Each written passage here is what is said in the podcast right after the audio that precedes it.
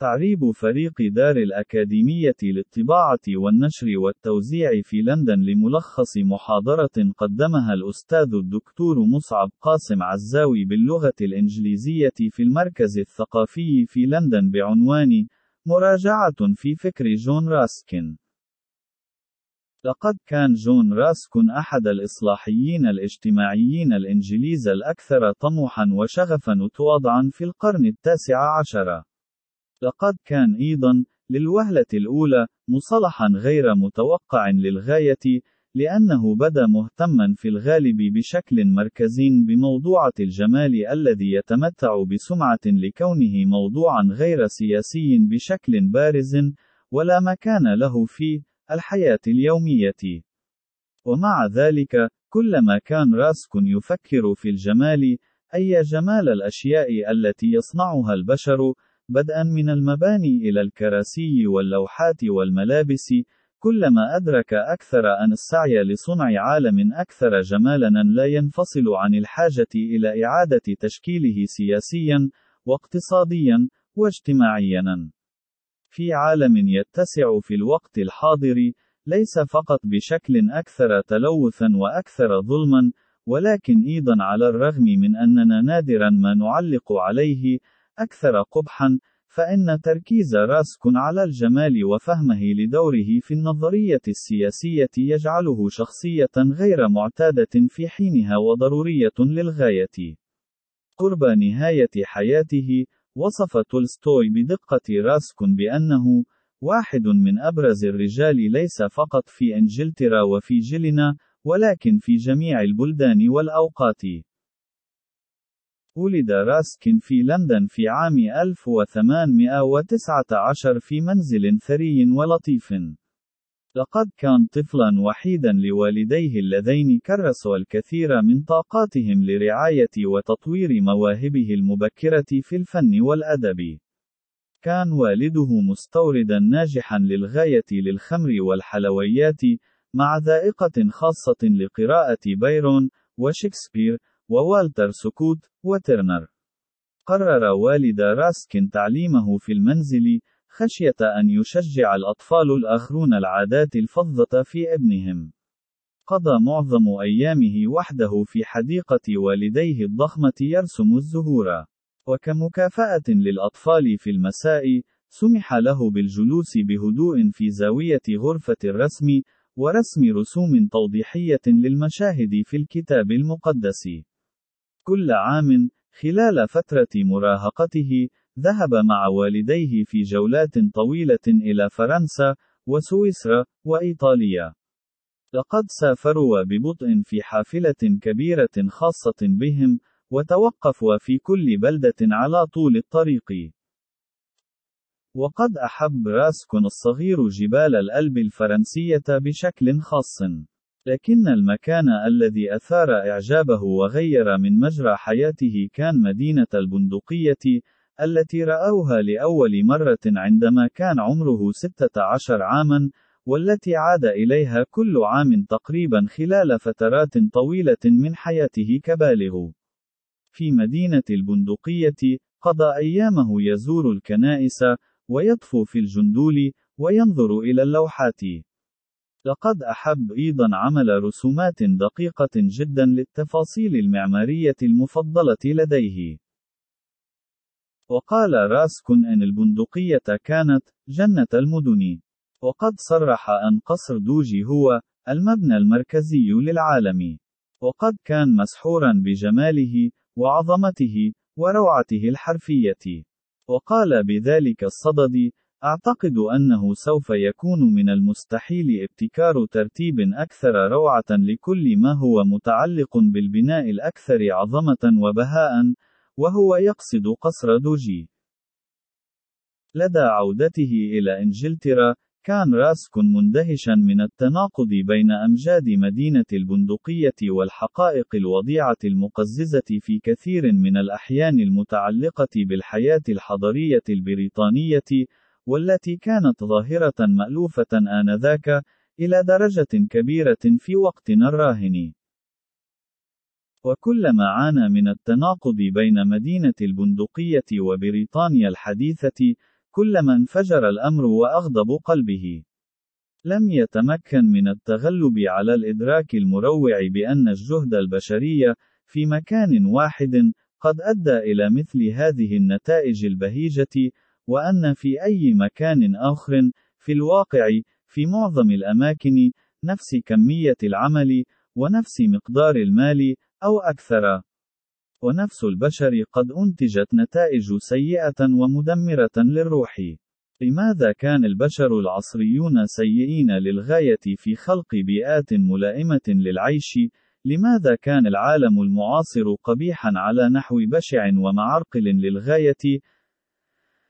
بدأ راسكون مسيرته كناقد فني. كان طموحه أن يفتح عيون جمهوره على جمال بعض اللوحات والمباني، ولكن في منتصف العمر أصبح هناك هدف مباشر أكثر وأكثر إلحاحًا. لقد أدرك أن قبح معظم الأشياء في بريطانيا، من المصانع إلى محطات السكك الحديدية والحانات إلى سكن العمال، كان أوضح مؤشر على الانحطاط، والإيديولوجية الاقتصادية القاسية، والأسس الأخلاقية الفاسدة لمجتمعه. وكانت محاولة تغيير هذا هو عمل حياته. لقد كرس ما تبقى من حياته المهنية لحرب عاجلة وصريحة ومستمرة ضد المبادئ الأساسية للرأسمالية الحديثة. لقد هاجم مطوري العقارات من أجل جني الأرباح قبل النظر إلى مصالح المجتمع. لقد انتقد الصناعيين بسبب حطهم من حياة عمالهم. وقد هاجم البرجوازية الفكتورية بأكملها لإهمالها مسؤولياتها تجاه الفقراء، وعدم القيام بواجبها تجاه رعاية الفئات المستضعفة في المجتمع من الفقراء واليتامى والعاطلين عن العمل. بشكل جزئي، تم إلقاء هجماته على هيئة محاضرات. وقد قضى راسكون جزءا كبيرا من كل عام في إجراء محادثات جيئة وذهابا في بريطانيا. لقد كان دائما في وضع لا يستهان به لإلقاء خطب إلى مجموعة من الصناعيين في بريمنهام أو شيفيلد حول نظمهم ذات القيمة المتعصبة وتفوق مدينة البندقية الهائل المبكي مقارنة بإنجلترا الحديثة، وهي حقيقة كانت أكثر إثارة للصدمة لجماهيره لأن بريطانيا كانت في ذلك الوقت تشق طريقها باعتبارها ورشة عمل العالم. لكنه كان مهتما أيضا بالعمل العملي. عندما توفي والده، ترك له ثروة هائلة، والتي بادر إلى إنفاقها على أسباب وجيهة. في عام 1871 أسس نقابة القديس جورج. لقد كان معجبا جدا بنظام نقابات العصور الوسطى، حيث كان العمال منظمين بشكل جيد في المهن التي قدمت لهم كل من الأمن الوظيفي والفخر في عملهم. كانت نقابة راسكون محاولة لإعادة تنظيم الحياة الاقتصادية على أسس ما قبل الرأسمالية. لقد حاول إنشاء شبكة من المزارع لإنتاج مواد غذائية مستدامة وغير مغشوشة. لبعض الوقت، كان أحد رواد صناعة عصير التفاح. وقام ببناء ورش عمل لإنتاج الملابس الصوفية والكتانية. وقام بتشجيع الشركات على إنتاج منتجات الفخار والسكاكين والأثاث ذات الجودة العالية، ولكن بأسعار معقولة. وأراد من النقابة أن تعمل بمثابة شركة التطوير العقاري التي قد تكون راضية عن الانهيار بدلاً من السعي لتحقيق هوامش الربح المعتادة التي يعتقد أنها تتعارض مع الجمال. أخيراً، أراد إنشاء شبكة من المدارس التي تقدم دروسًا مسائية بالإضافة إلى عدد من المتاحف للعمال، كبديل لوسائط الإعلام الجماهيرية المخدرة والمضللة برأيه، إلى جانب تحويل حصة الأسد من ثروته إلى النقابة، فقد شجع أيضا الأثرياء في جميع أنحاء البلاد على المساهمة بثرواتهم في المشروع. كانت النقابة التي أسسها راسكين ناجحة في بعض النواحي. وقد قدم عدد قليل من الصناعيين لراسكن ثروتهم الفائضة. وتم شراء بعض الأكواخ على ساحل ويلز حيث بدأت مجموعة من أنصار راسكن في عمل تصنيع قمصان وملابس أخرى. بالقرب من إسكاربورو، تم شراء مزرعة والتي قامت بتصنيع مجموعة متنوعة من المربيات.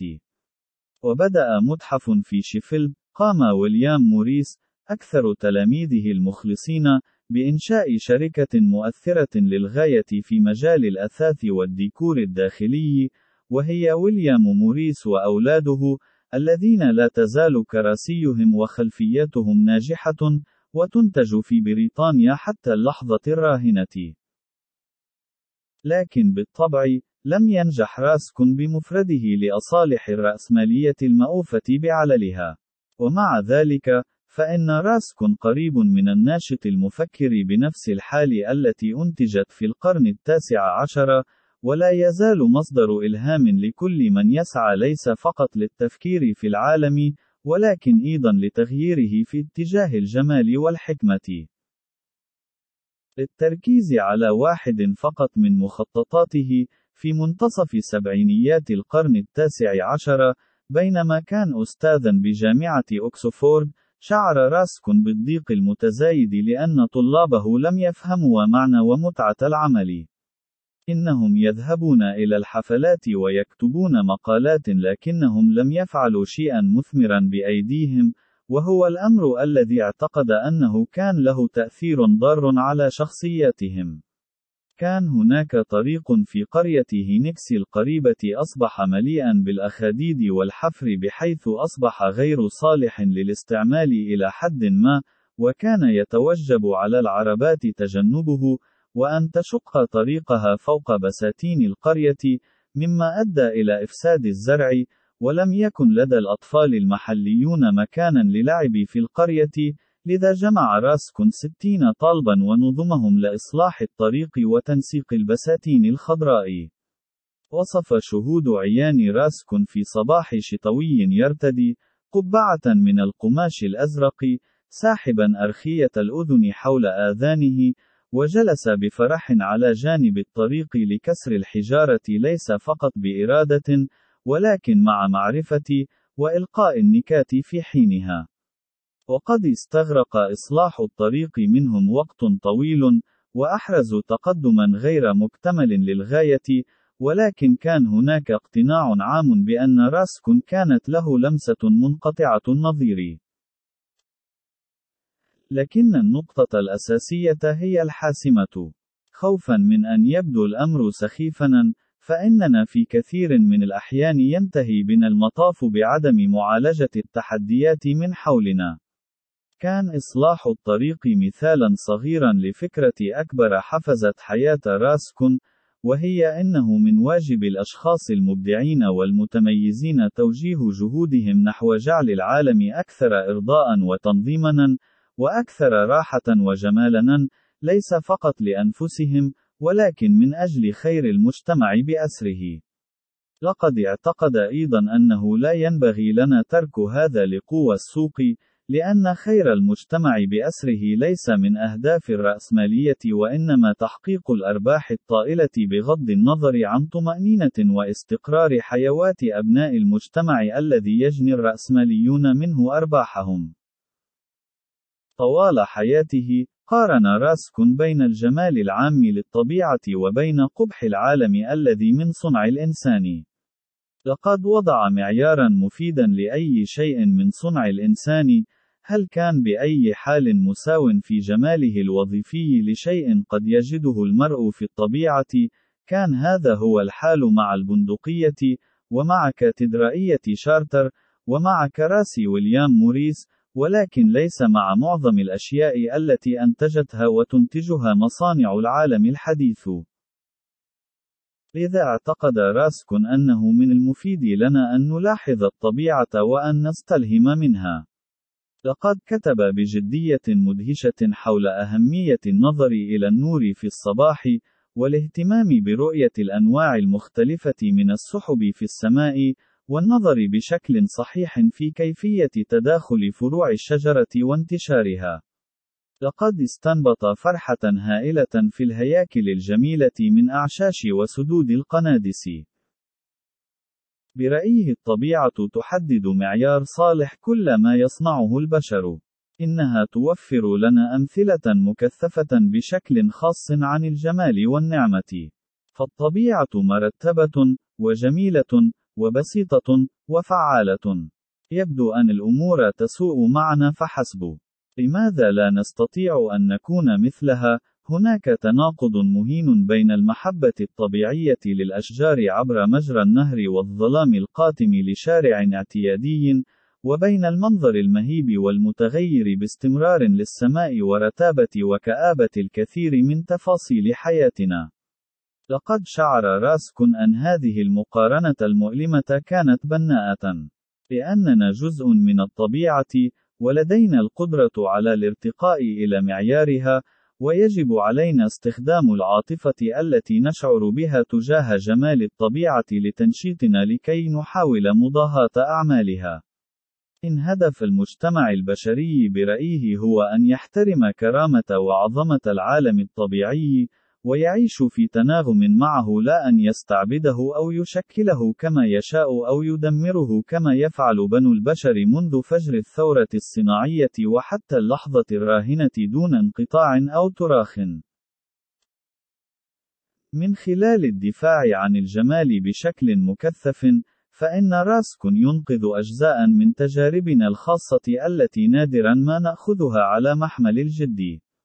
لقد شعر معظمنا في بعض الأوقات أن الأشجار جميلة، وأن مكانًا آخر هو أجمل بكثير من المكان الذي نعيش فيه يوميًا، وأن هناك الكثير من الأشياء الرديئة في العالم، وأن العمل حقًا ليس ممتعًا بدرجة كافية، وإننا غالبًا ما نسيء استعمال طاقاتنا وقدراتنا العملية والإنتاجية، لكننا نميل إلى رفض هذه الأفكار على أنها شخصية وبسيطة للغاية، وليست ذات أهمية لأي شخص آخر غيرنا. وجادلنا راسكون في ذلك من موقع أكثر طموحًا وجدية، وهو يقول إن مثل هذه الأفكار والخبرات هي فقط التي يجب إعطاء وزن مناسب لها، والتي تحتاج إلى تحليل وفهم، إذ أنها توفر أدلة حاسمة حول ما هو الخطأ الحقيقي في العالم، وبالتالي يمكن أن تقودنا نحو التحركات التي قد تجعله أفضل حقًا. كأن نهج راسكون في السياسة هو التمسك بحزم برؤية لما قد تبدو عليه الحياة العاقلة والمعقولة والكريمة والصحية والجيدة حقًا، ومن ثم السؤال بصرامة عن كيفية احتياج المجتمع إلى أن تكون تلك الحياة العاقلة والمعقولة والكريمة والصحية والجيدة متوسط الحياة الطبيعية لكل شخص عادي بسيط في المجتمع، وليس قطعة نادرة من الحظ فقط للمتميزين من الأثرياء والمحظيين. والحقيقة أن جون راسكون كان من أوائل المنظرين المرموقين بشكل مرهف لوجوب تحقيق العدالة الاجتماعية في أي مجتمع سليم صحيح بنيويا ووظيفيا وجماليا.